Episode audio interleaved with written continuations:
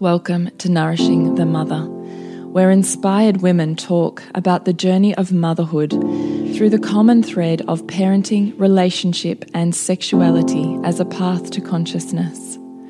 We ask, in what ways can we show up more fully, live more meaningfully, parent more wholly, and love more unconditionally? How can we mine the wisdom from the experiences of our lives and expand into those challenges? If you are here, you care about paving a path of conscious and intentional motherhood, connected with yourself and your gifts, and also illuminating your children in theirs, so we may raise more whole humans who can impact this world in a more humane way. And if you feel like giving a little back to this free content, please become a patron of the show and receive extra member benefits for less than a coffee a month. Or you can leave a review on iTunes and Facebook, all of which helps the podcast keep going and reach more mamas who need this type of tonic for the soul. Head on over to patreon.com forward slash NTM podcast to find out more. We are Julie Tenner and Bridget Wood, and we are so grateful you're here.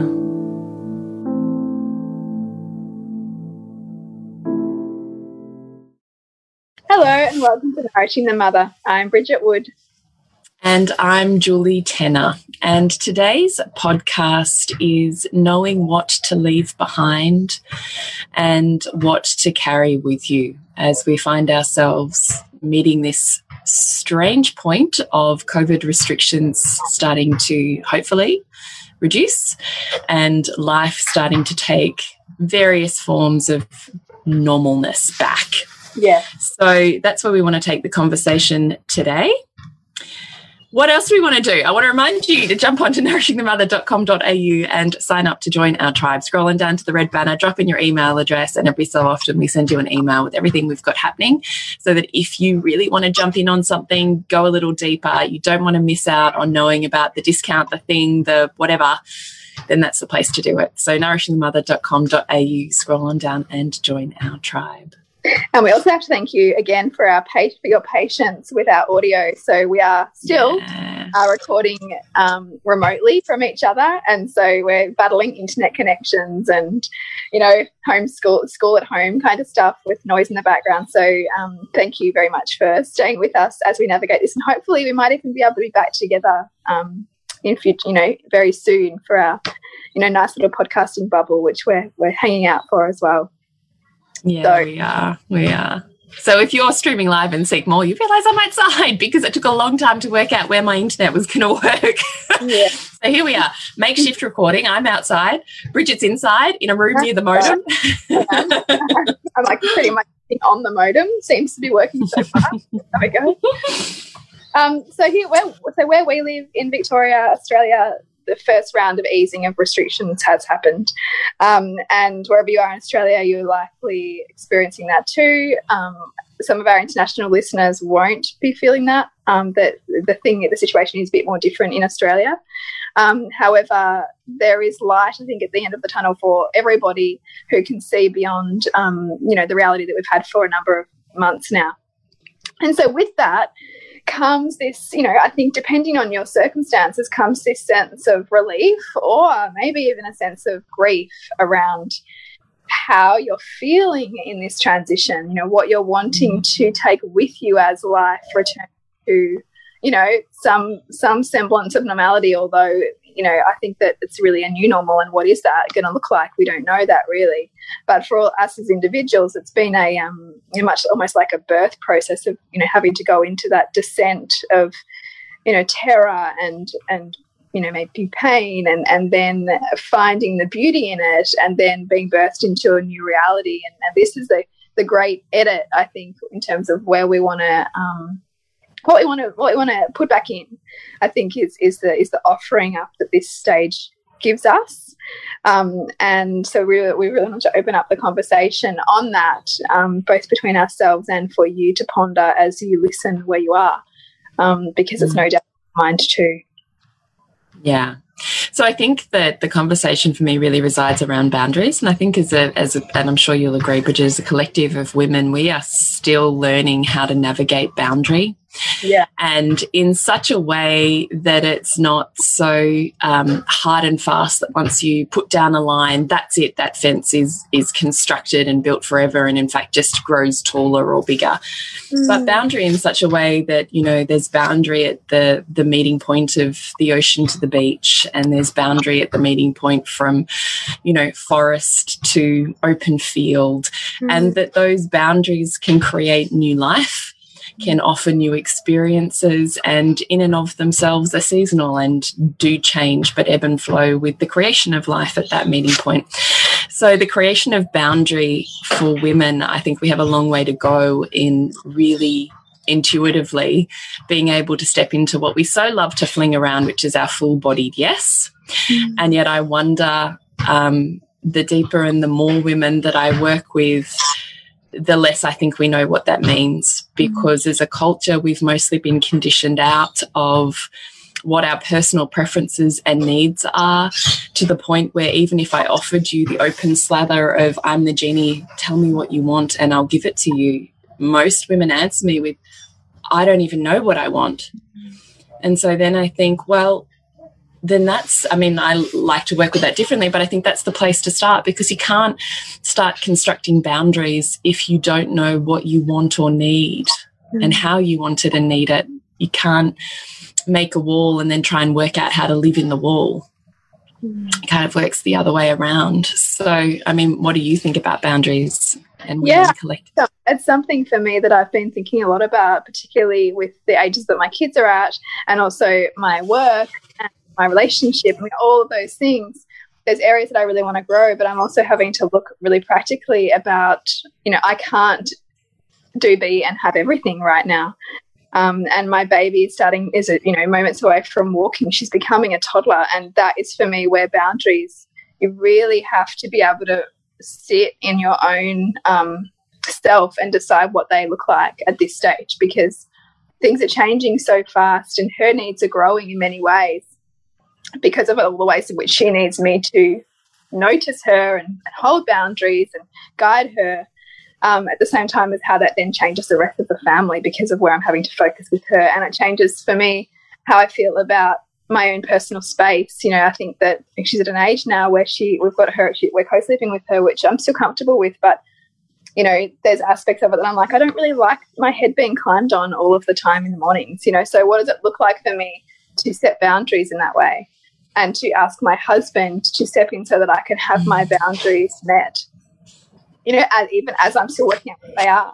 And another boundary is, is you know, even this whole thing around um, our kids' education and how much is our, uh, for us to pave the way for them and how much is it for us to also allow that, you know, look, look on the fact that they're born at this time with the system that we have and for us to give a level of ownership to them on okay how are you going to navigate this? Because there's a point there's a part of me that's like i have all these ideals but i'm not superwoman and i i'm not willing to give up the other parts of me that i really want to nurture in order to take that up and own that mm. run that. So yeah, that's really that I, that's another one that i'm sitting with that's like yeah i get this is not ideal this isn't ideal but and this is the conversation that I had with my husband. We had a really long conversation about it um, and about our viewpoints and, you know, also what our personal preferences are. And, and you know, it's also How did that go? Sometimes you're sorry, can I interrupt you for a minute? Yeah, because I'm interested in how that went because I'm hearing from a number of women after, you know, we did that podcast and I was like, oh, I think it was a post, I can't remember now. And I was like, oh my God, I had like the biggest argument with my husband I've ever had over this to homeschool or not to homeschool and that whole world that just got completely bust open. And actually, I'm receiving a number of messages from women finding themselves at that exact place you know, where what they previously thought worked, they realize isn't what they thought it was. And then what does that mean? And potentially their partner sitting in a completely different viewpoint. So, this education discussion that you had, are you able to sort of bring a little bit more something? Yeah. yeah. So I, I was I was saying to him for you know for a while, look, you know, I'm doing a lot of researching on homeschooling at the moment. Um, you know, the more and more I'm learning, the more and more I'm not um, you know, down with even sending him back right now. You know, a lot of things I'm concerned about. um, and we talked through what the things were. You know, so I kind of said, look, how do we even just determine that this is what he needs to know right now, and that and that this is the right way to teach him, and that he's in amongst this group of you know kids all at the same age and all being taught the same thing, and he's maybe like not even sure what he's learning. And my husband was like, yeah, like I get it, and and he said, but also remember like how much he gets from us at home and how much that that school is one way of, of, of, teaching our kids, but think about all of the critical thinking skills and all of the different ways of looking at life that we give him at home, and how much of a um, beautiful melting pot that that can offer him to be able to choose what he wants to take. And this is what I keep coming back to in myself too, because the reality is, if I was to homeschool, I would probably unschool. Um, and and there'd be a, significant process of deschool in order to unschool. And when you unschool, I see it as a there's no real going back once you decide to unschool because if you want to put your child back in the system, you could leave them really hard done by because it's a lot harder to get them up to scratch because they're not going to have spent the days of rote learning um, that you know, that passages them through a year, you know, a number of years of learning at school. And so that feels like an enormous um, responsibility for me to make that decision and know that like it's not it's not that easy to just pop him back in school. And people might say that it is, but I'm I, I, I challenge that because I don't know that it would be. Um, mm. Simply because if you're unschooling and you're going to child led, my son, my son in particular is not really going to want to do a lot of writing and a lot of you know, spelling and all that kind of stuff because it's not his interest. And school is really focused on that. And so then the anxiety that, that may come up if I'm pushing him back into that system, you know, without that grounding could be significant. So I'm looking at that end of it. And I'm not just kind of going, oh, we'll just do what we want for the year, which is kind of where I was going at. So anyway, I talked through all those sides with my husband and and then I'm, you know, looking at my bigger picture and, and where I want to grow. And there's an enormous path that I want for myself around, you know, my own embodiment, you know, what kind of like direction I want my work to take once my girls are older. And and I don't feel like I can give myself that at the same time as taking on the full responsibility of my children's education. I don't think that there's room for both. Um, and so that was that's kind of hard to own because the you know like the idyllic part of me really wants to go yeah we'll just like throw away the system and be guided by our you know what lights us up. So the whole discussions that those discussions have been too like you know me really examining you know aspects of my own shadow which i know like are often kind of idealistic and sometimes um Aren't we all, when we're looking at the thing that we really want, we're like, it's just going to work. yeah. So I've really had to feel into the times when, and I've been actually been talking a little bit to Gillian from Bornwise um, about. Like, I tell you, I love her. I feel like we were just meant to meet her. She's so fantastic. But I was saying to her, like, you know, what about like the days when I don't feel like it? And, you know, all of that stuff. And, and, I don't know. Like, I think I already have a, I already have a pretty high parenting bar.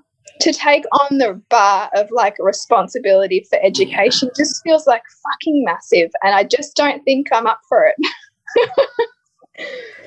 so that's and so that's really where the conversation went. But I, but I said to I said to my husband, look, you know, I really just want it to be at every point in his schooling journey that we are paying close attention to what works and not, not what's not working and that we're willing to challenge the system where we can and that if we find that it's really not that it's you know maybe he does suffer from you know anxiety or you know if, if he hits a really tough road because at the moment he kind of he goes okay like he's made lots of friends and he's okay at school he doesn't love it but he does okay. Um, I guess I just really wanted that affirmation from him as well that at every point this we're, we're not just like subordinating to this because you have to, because I don't believe that you have to do anything. I think that there's always opportunity when you're willing to look for it. And so that was really where we got to. Um, and also a conversation on on more days off, like so building more flexibility into the term because I'm home with the girls. We have a lot of opportunity to go on like do stuff, and so I'll be building more of that in um, to our to our terms as well when I can see that he's needing a break. Because what this has also taught me is that I really wish school wasn't five days a week. Like I'd love it if it was mm. like three or four, you know, and kind of like I think a lot of people would feel like they they wish that work was the working week was set up to be shorter. Mm. And I, what I certainly feel like as a collective consciousness is that this whole experience has thrown up in the air every structure that we've decided that, that we've accepted and said, mm. This is all up for reorganization. What do you want? And I feel that intuitively. And so that's, I guess, why I've had to look at everything that we're subscribing to and going, does this fit? Does this fit? Does this work like this? You know, like because mm. it's, it's, it's, it's all up to us now. Um, mm. Yeah. So that's kind of where I've, where we've got to. Yeah, yeah. I've had a couple of girlfriends uh, say actually that they'll be just at school three days a week and then doing home learning two days a week. Wow. And how was and, and and they've like navigated that with school? Well, one was already doing it. So this it's like a, a friend of a friend was already doing it. That was her established way of belonging to the school program. And seems to be fine. And my other friend was probably naturally a, a natural homeschooler, but mm. um, has significant health concerns and just went, you know, I just, I recognize that it's beyond my capacity right now. Mm. But what would make me feel good is if we had one day a week or two days a week where we could be of the land and with the land and that we structure learning from that perspective because they have property and um, you know work certainly around states of permaculture and sustainability so she really wishes to instill those uh, perceptions of the world mm. through that lens. So that's the decision that she's made. Mm. So I've toyed with that. I have known people in the past who've tried it and have experienced resistance from the school system to um, working well with that. Ultimately, they can't say no. Ultimately, oh. they might make it difficult, and they'll be so. This school that my friend is at down the peninsula, it makes it really easy for her to do that and it seems really it's a bit more of a I suppose a sustainable community. So perhaps more it's just the nature of the clientele in the area that then makes the school more flexible versus perhaps closer to the city where things are more go, go, go and there's less room for flexibility. So I would say seek an establishment mm. that offers you more flexibility if you're obtaining more resistance because it's not about you can or you can't. It's simply about the system that you choose yeah. and whether that's something that they're willing to or not. I mean, so, in Australia, in Australia, it depends on the state though. So part time schooling is allowed in some states of Australia and not in others. Oh, okay. Yeah. Oh, that's so interesting. It, I didn't know. So it's, it's okay in Victoria, um, but I think in some states it's not. Oh, that's so interesting.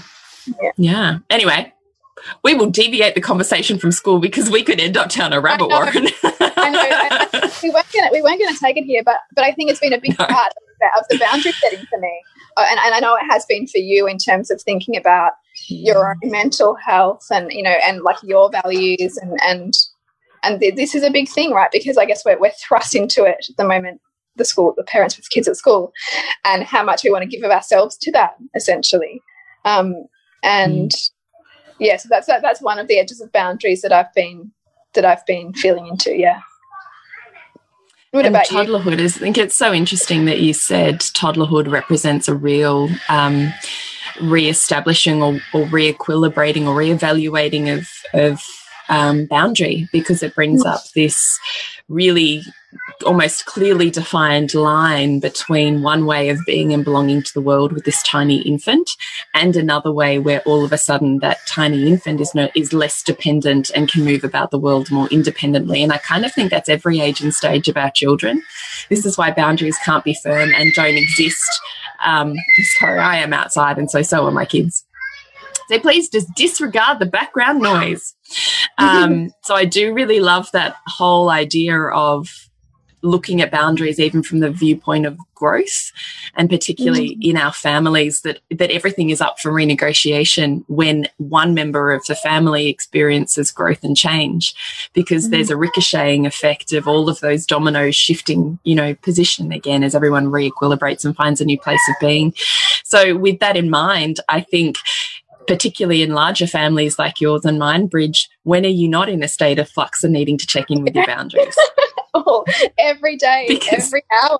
Right. That's my point because we are continuously beings of change. Yeah. And I think you end up with more psychological distress and dis-ease if you try to remain as static as possible in amongst total chaos. Mm. I mm. think instead it's far better off to consider the construct of boundaries being fluid and honoring and healthful for um, the entire organism of which the mm. family mm. is a whole them. And then individually so as each individual and considering what's the health of the environment for everybody internally and externally as the whole. So i much preferred it that i liked what you were saying. I essentially is what i'm saying. I love that idea of just continuously even looking outside of us with you know our family and our children for oh this is a boundary renegotiation here. That's this is why it's feeling weird or funky or mm has dredged up dredged up emotions and you know sludge from the past or the and it feels like it's in the present but really it's not mm. and i think it's just that beautiful invitation for oh this is like you know throwing the sand up in the air and we're waiting to see where it settles and i kind of think you uh, can resist that and create more rigidity and make it harder, or you can find a state of belonging to that that feels honoring. And mm. that's what we're talking about when we say, What do you want? What do you mm. need? Mm. Knowing that what you want and need right now in this hour may not be what you want and need in the next hour. And in mm. fact, this is one of the most, you know, crucial learnings, I think, of being in a relationship between a masculine and a feminine being. And my husband and I joke about this all the time you know, I'll be like, I don't know, we we joke about him that he, you know, I say, what do you think I want or need here? Or, you know, do you think, do you know what I want? And he's like, how ridiculous is that even as an idea? Because whatever I think it is right now, it won't be tomorrow or next week or, you know, like, he's like, it's the most yeah. ridiculous thing. It, like, it doesn't even matter. What does it matter what I work out right now? Because it's not going to be relevant in the next five and minutes. and it's so funny like that too. But in but and I'm really like un, I'm really trying to unlearn the parts of me that all feel hurt by that. You know, because because we are so um, you know the feminine is so kind of like judged, and we try to cut off parts of that because you know our yeah. there's linear commitment. This is the path. Keep showing up. You know, when your heart please stay the same and consistent. Yeah, yeah. But your heart's going for this and for this and for this, and I feel this, and yeah. You know. Oh, all of that. Totes. Yeah, totes. So I love this idea of just boundaries really just being a, a, practice, a state of, of what is most honoring in this moment and most healthful for the organism, be it the individual self or, you know, the larger family unit as well. I think that's a mm-hmm. really beautiful conversation. So when it comes to walking out of a place in a space like COVID, same as any time of immense change when everything has been thrown up for renegotiation and has brought with it new awareness because where, there's death and dying and a letting go of a particular way of belonging to the world there's also an equal space and opportunity for birth but often in this community not community in this culture we um, tend to just like life. We don't want there to be death. Yeah so it can feel um, really hard when we're faced with death that we can't ignore.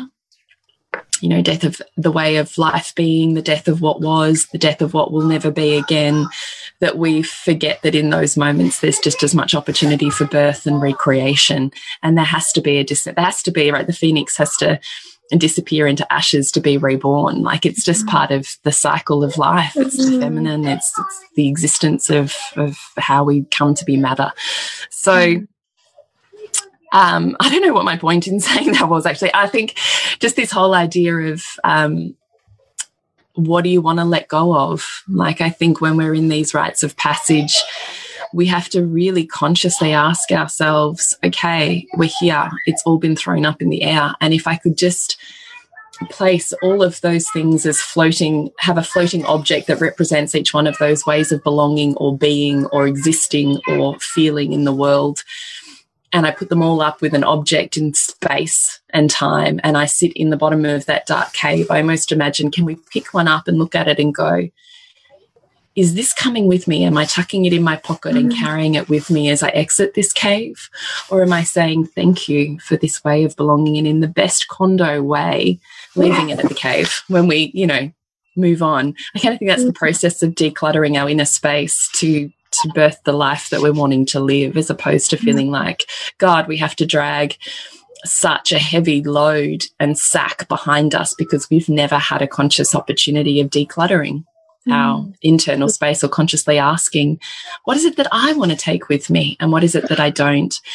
And I do think sometimes I was working with a woman the other night and I was saying to her, you know, sometimes it can feel, even though this is birth, it can feel like death because you're having to almost rip off a, a skin. Like it can feel irritating and itchy, mm. like you know, like the snake shedding its skin as you're like almost trying to peel off this layer of skin that has come to be part of you. And you're trying to, you know, literally sometimes yeah. tear it off of oh. your very being. And that's brutal. That can mm. feel like pain, even though it is birth. Mm. So I just also think this is the purpose of having something in some form that is ritualized and ceremonial so that the psyche has a way of adapting and playing catch up to what is happening. So we complete feelings and we can reconcile ways of being without it needing to be incomplete and held onto and carried with us in this half, you know, weird jumbled sack of all bits and pieces that are broken, you know. Mm. You know, I know I'm speaking yeah. very metaphorically and I'm always aware that sometimes I lose people in that. So does that make sense, Bridget? it makes sense. Yeah, it does. Yeah. It's really it's just I think it's a powerful time of contemplation and then and visioning as well. I mean, and visioning sometimes in the smallest of ways. Like I think it can be visioning in terms of how you're developing self responsibility in your children so that you don't carry the burden of all of the things, right? And that takes mm. practice and that takes commitment, you know, and it takes, you know, patience, but that that's also part of visioning how you want to be regarding yourself in your all of your roles in your home and in your life and also the parts that you want to give your children to, to develop their own self responsibility you know because often it takes longer to teach that but the payoff and the you know the sovereignty that we're allowed when we don't pick up everything and we don't take responsibility for everything is that we get to feel far more whole i think than splintered based on everybody else's needs and so I think that's really mm. powerful to consider as well. Mm. Do you have a process that you're using in knowing what to leave behind and what to carry forward? I think it's still coming together for me. I think I'm still feeling into what I want that process to be. I think I'm doing it intuitively. Like even this morning, like I had to bundle the kids up. The first time we've really had to get out of get out of the house, and it's just like a fucking shit show. Like because because everyone's out of practice of it. Pearl's, you know, two months older now than she was when we last were regularly out of the house. And so it just takes so much longer. And I could feel myself getting frustrated. And then it's like, okay, what needs to happen here? What structures do I need to make this more easeful and to help everybody feel empowered in this as opposed to me feeling stressed before we've even left the house? Right? Because that's because I don't want to go back to that feeling, and that. Yeah, me neither. So it's, you know, I really sat with that on the drive to my mum's. Was like, okay, what what do I need to do here around helping my kids feel empowered and, um, and myself and my husband too, because like we're both feeling the burn of of just the constancy of of kids, right? Even though it's lovely, it's also constant, and. Um, yeah, how do we help our space flow more effectively to meet all of us, you know? And that's what I'm mm. asking myself a lot. Um, so in terms of my family structure, and you know, we're, we're building a lot of this. I'm thinking a lot about um, my own practices as I prepare for the retreat that we're running, um, because I really want to bring um, you know something really wholehearted um, for that because I think in very in many many ways it become the retreat is is that is that is that pause to to to help yourself work through what's what you're ruminating on and and to, to allow to die what you don't need anymore and what has become stagnant to create space to birth what's wanting to come through and I feel that on a huge level, like individually, in, individually and collectively right now. Like this is where we're at. We're at this, you know, crossroads, um, and in so many areas of life. Um, what do you want to leave, and what do you want to take with you? Mm.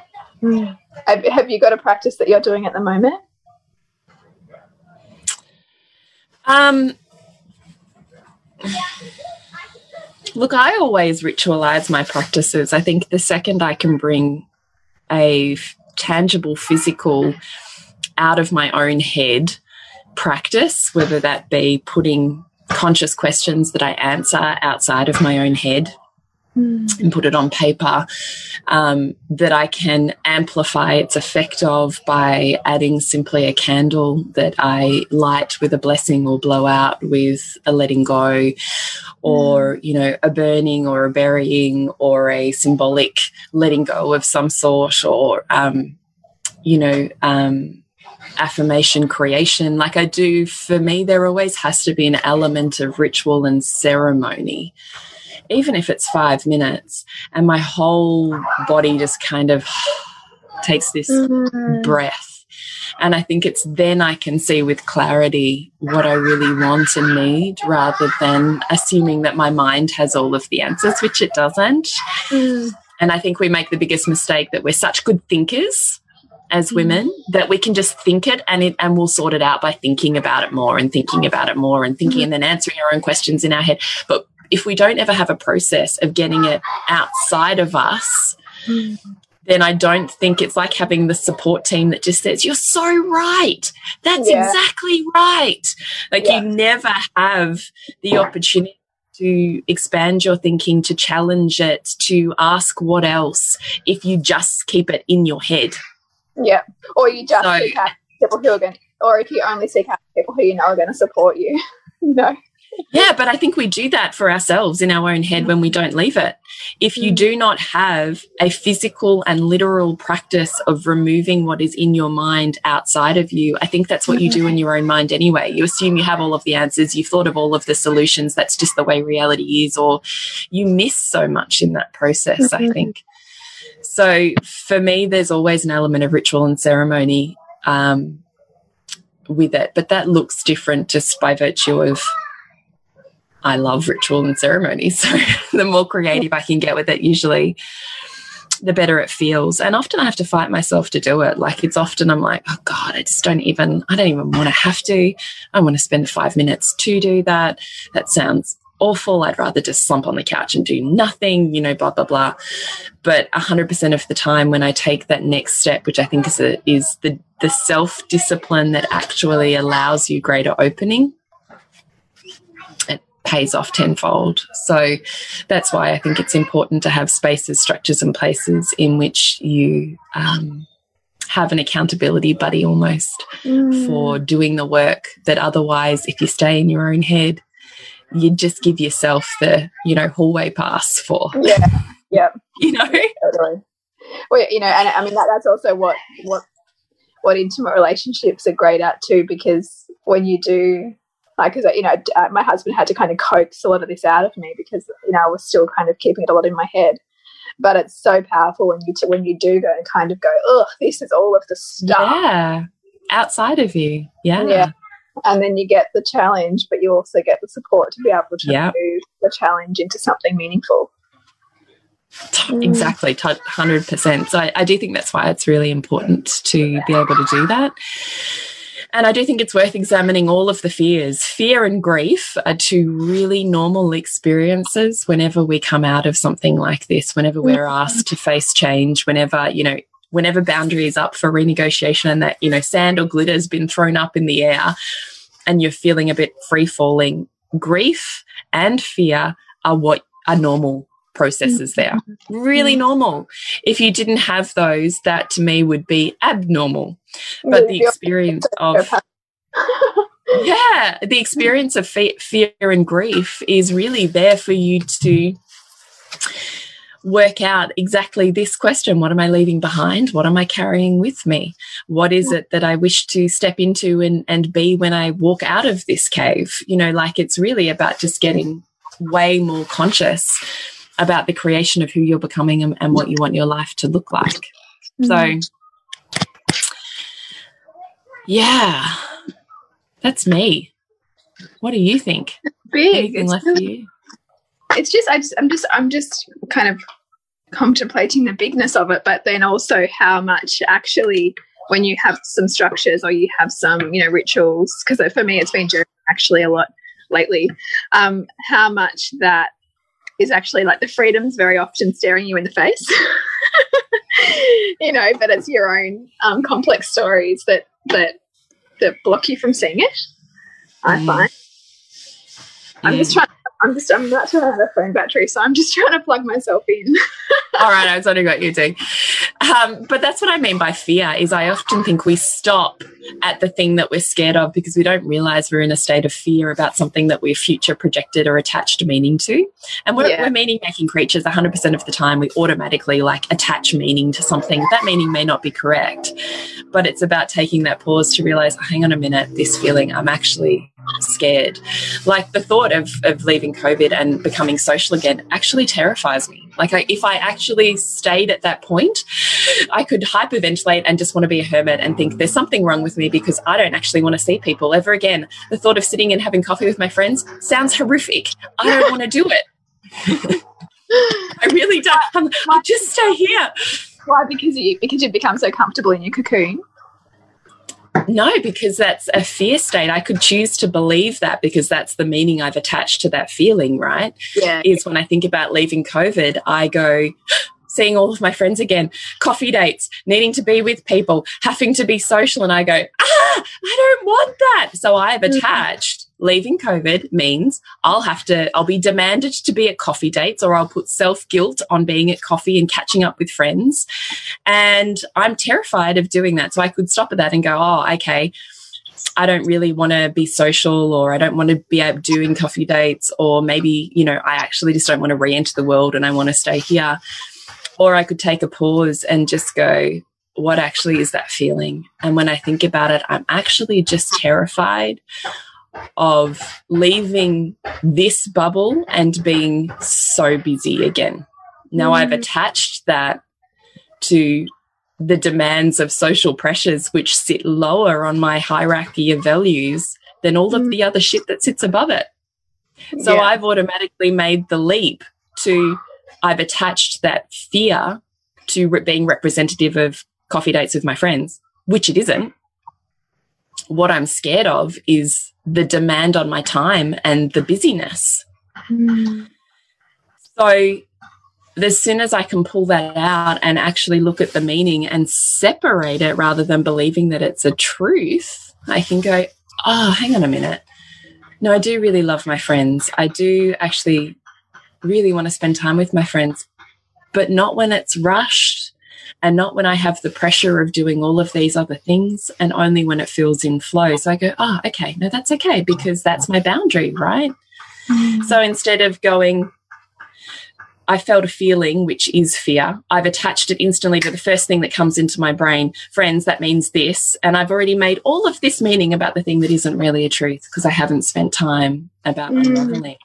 Mm. And if I unravel it, really, all of that feeling just relaxes in my body and I feel power. I feel power again as opposed to powerlessness, mm. which is mm. often when fear rises up. I can, no, that's okay. I know what I want to carry with me and what I don't. So I just, that's what I mean by, I think you've just got to be aware of when fear rises its head and it will, and mm. looking at the meaning and the space that you've taken and perhaps the grief in that, even the grief of losing or the what feels like a deeper, more apparent loss of this bubble than what it feels like I'm gaining. Of course, the truth is there's equal challenge and support, but because of the way that I choose to view this world and the values that I choose to instill, then I see it as a bigger loss than a gain. Doesn't mean that it is. Yeah. so I just think yeah. it's about having these practices to mentally get outside of yourself. Are you yeah, losing battery? So, having all sorts of sorts yeah, of I'm just trying I have to wrap up this podcast because I don't think I've got much longer to go. That's right. I think I think we're at time anyway. I think we're at time. So on the 31st of May, we have our Mother Soul Retreat. So we want you to come back into the soul of who you are at the center of Mother. And we want you to know what it is that you are carrying with you as you leave this cocooning cave to make a more meaningful life.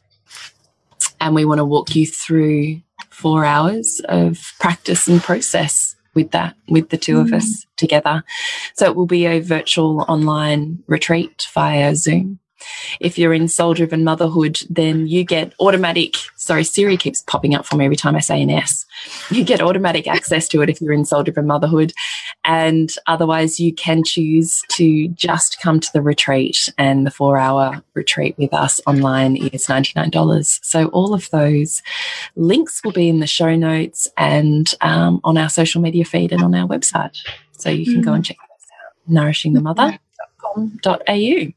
Is there anything you want to leave us with, Bridgie? Uh, just to really have gentleness and, and, reverence for yourself as you navigate this and, and carve out space for contemplation and for the editing and for the introspection and the ritual um, as you make this move. Um, and I think too that that embodiment piece that Julie was suggesting too it's just really, really important because we are given an enormous opportunity as we make this transition and and and as mothers and as kind of the captains of the ship of our homes, um, we have enormous power to be really intentional right now. And I really invite you to consider consider that too and and and take ownership of what of what you can as you as you shepherd all of your family through this, yourself and your family. Mm. All right. So we would love you to join us. So Mother Soul Retreat. You can find out about that on all of our socials. And Bridgie, you go. Um, to connect with me at suburbansandcastles.com and you, Jules? Oh, I forgot that bit. thepleasurenutritionist.com. and remember to nourish the woman to rock the family. And we'll see you next week when we continue to peel back the layers on your mothering journey. And if you want to support Nourishing the Mother and all the late nights, the early mornings, the blood, sweat, and tears we pour into our art, then please go to patreon.com forward slash NTM podcast and become our patron. As a patron, you're helping all of the cost of operating this podcast, the hosting, the editing, the transcription, helping all of that be completely covered, and joining a community who are all about honouring our journeys and continuing to open. The more support we have, the longer we can last. So become a patron, we'd love to have you. Go to patreon.com forward slash NTM podcast. We literally couldn't do this without you. Thank you so much for listening, and please share this podcast with anyone you think it would be medicine for.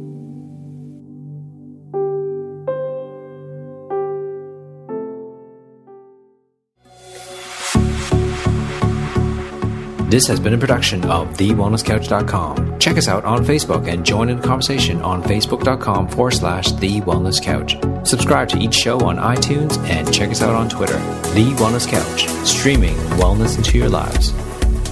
Whilst the Wellness Couch presenter endeavor to provide accurate and helpful information to their listeners, these podcasts cannot take into account individual circumstances and are not intended to be a substitute for health and medical advice from a qualified health professional. You should always seek the advice of a qualified health professional before acting on any of the information provided by any of the Wellness Couch podcasts.